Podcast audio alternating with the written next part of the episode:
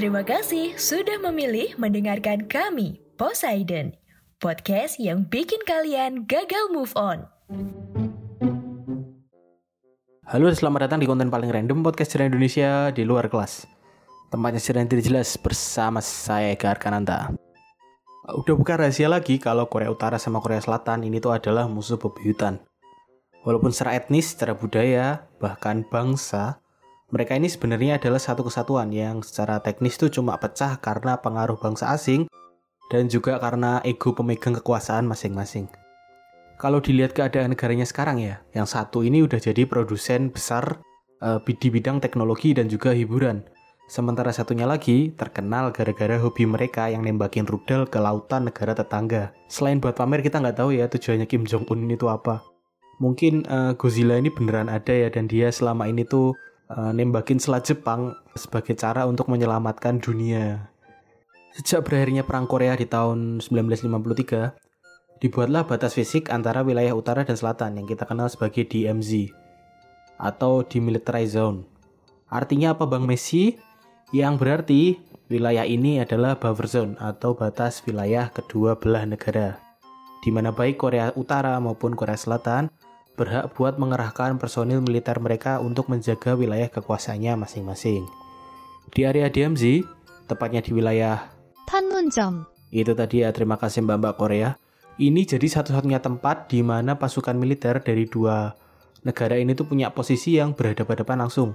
Daerah ini dikenal sebagai JSA atau Joint Security Area ya, yang juga menjadi tempat jaga buat pasukan PBB yang bertugas sampai tahun 2016 kemarin. Selain itu, wilayah ini juga jadi tempat saling tukar-menukar tawanan, tukar-menukar propaganda, sekaligus tempat yang paling sering menimbulkan perseteruan di antara kedua belah pihak ini.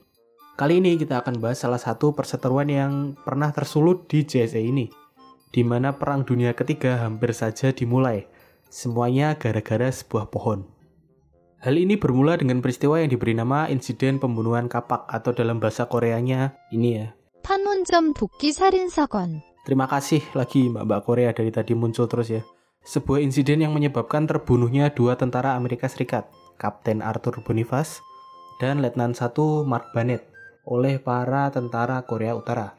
Loh, loh, loh, kok ada tentara Amerika di sini? Kok dibunuh? Sabar sebentar kisah anak, saya belum selesai menjelaskannya.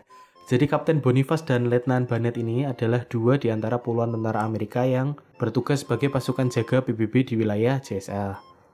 Pada 18 Agustus 1976, mereka bersama 12 personil tentara Korea Selatan ini tuh uh, berangkat buat mangkas pohon, mangkas cabang pohon. Jadi ada pohon, pohon poplar ya, ini tanaman belahan bumi utara di Indonesia juga nggak ada. Ini tuh tingginya sekitar 30 meter dan menghalangi pandangan kalau dari pos jaganya pasukan PBB.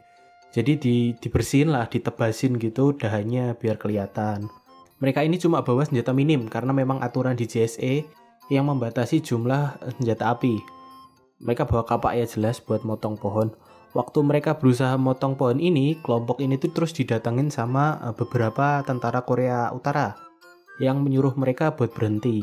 Alasannya tuh adalah pohon poplar ini ini adalah tanaman yang ditanam sendiri sama supreme leader mereka ya, Kim Il Sung pohon spesial ya ini berarti ya kalau nggak salah yang nanam tanaman di Plant vs Zombie itu juga Kim Il Sung kok jadi memang ya dia hebat memang alasan absurd ini tentu saja tidak digubris sama dua tentara Amerika tadi yang tetap nyuruh buat semuanya ngelanjutin mangkas cabang pohon Gak berapa lama kemudian datanglah truk pasukan Korea Utara yang isinya sekitar 20 orang.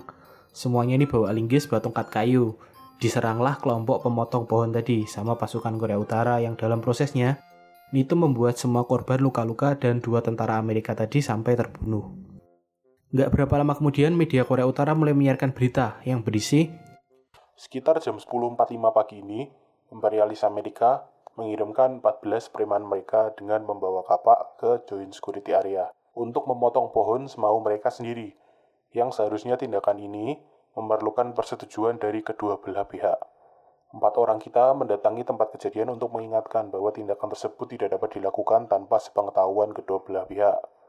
Walaupun sudah melalui cara persuasif, mereka tetap melakukan penyerangan kepada petugas kita dan melakukan provokasi serius berupa pengeroyokan yang didasari fakta bahwa mereka membawa senjata tajam dan memiliki jumlah yang lebih banyak.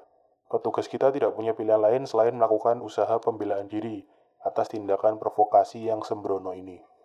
Setelah itu, 4 jam kemudian, Kim Jong-il yang kala itu belum jadi pemimpin, hadir buat mewakili ayahnya dalam konferensi tingkat tinggi gerakan non-blok di Colombo, Sri Lanka. Di mana dia menjadikan insiden yang baru terjadi beberapa jam lalu ini sebagai contoh dari provokasi terkutuk Amerika Serikat dan mengajukan resolusi kepada semua partisipan di sana untuk mendukung penarikan seluruh pasukan militer Amerika dari wilayah semenanjung Korea dan juga membubarkan pasukan jaga PBB di sana. Yang hasilnya tuh disetujui ya sama mayoritas peserta KTT ini. Nggak tahu ya Indonesia ikut setuju apa enggak waktu itu. Rangkaian ini tentu saja bikin Amerika Serikat marah ya, apalagi didukung sama data CIA yang ternyata menyebutkan bahwa berbagai respon Korea Utara ini tuh diduga memang sudah direncanakan dari jauh-jauh hari. Besoknya tanggal 19 Agustus, status siaga pasukan Amerika Serikat di wilayah semenanjung Korea ini tuh naik ke DEFCON 3. Buat konteks ya, DEFCON 3 ini artinya semua pasukan angkatan udara ini tuh udah harus siap dimobilisasi dalam kurun waktu 15 menit kalau dibutuhkan. Naik satu lagi di DEFCON 2, ini artinya semua pasukan militer ini tuh udah siap tempur dalam kurun waktu 6 jam. Naik satu lagi, ini yang paling pentok ya, paling atas, adalah DEFCON 1, yang artinya selama tinggal dunia. Karena perang nuklir ini sedang atau akan berlangsung. Oke, sekarang kita masuk ke bagian paling seru dari cerita ini. Akibat respon Korea Utara yang gokil tadi ya, pasukan PBB yang mayoritas adalah tentara Amerika jadi makin yakin buat motong pohon poplar tadi awalnya kan cuma mau dipotong dahannya aja ya soalnya ngadangin pemandangan tapi ternyata pohonnya bahaya ya karena minta tumbal jadi mending sekalian ditebang dan para pejabat di Gedung Putih ini tuh memutuskan untuk menjalankan Operation Paul Bunyan. Paul Bunyan sendiri ini adalah karakter cerita rakyat ya di Amerika Serikat yang bentuknya itu manusia raksasa yang hobinya tuh nebang pohon. Nama ini sangat sesuai karena seperti di legendanya ya raksasa motong pohon kan kedengaran terlalu berlebihan. Pihak Amerika Serikat, PBB, dan Korea Selatan juga akhirnya mengirimkan pasukan dalam jumlah yang sangat besar. Semuanya hanya untuk memotong pohon. Dilaksanakan pada 21 Agustus 1976, tiga hari setelah insiden pertama terjadi. Jam 7 pagi, datanglah 23 truk pasukan Amerika Serikat dan Korea Selatan, yang masing-masing membawa 16 teknisi militer.